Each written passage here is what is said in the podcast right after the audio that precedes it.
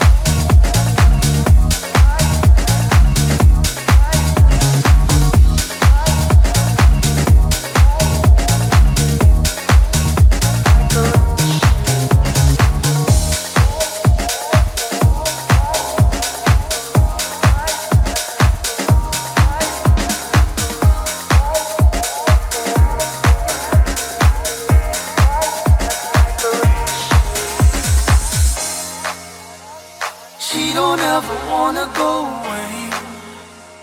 Happy sitting here, letting sad songs play. And I don't feel the same, but I bounce right back like.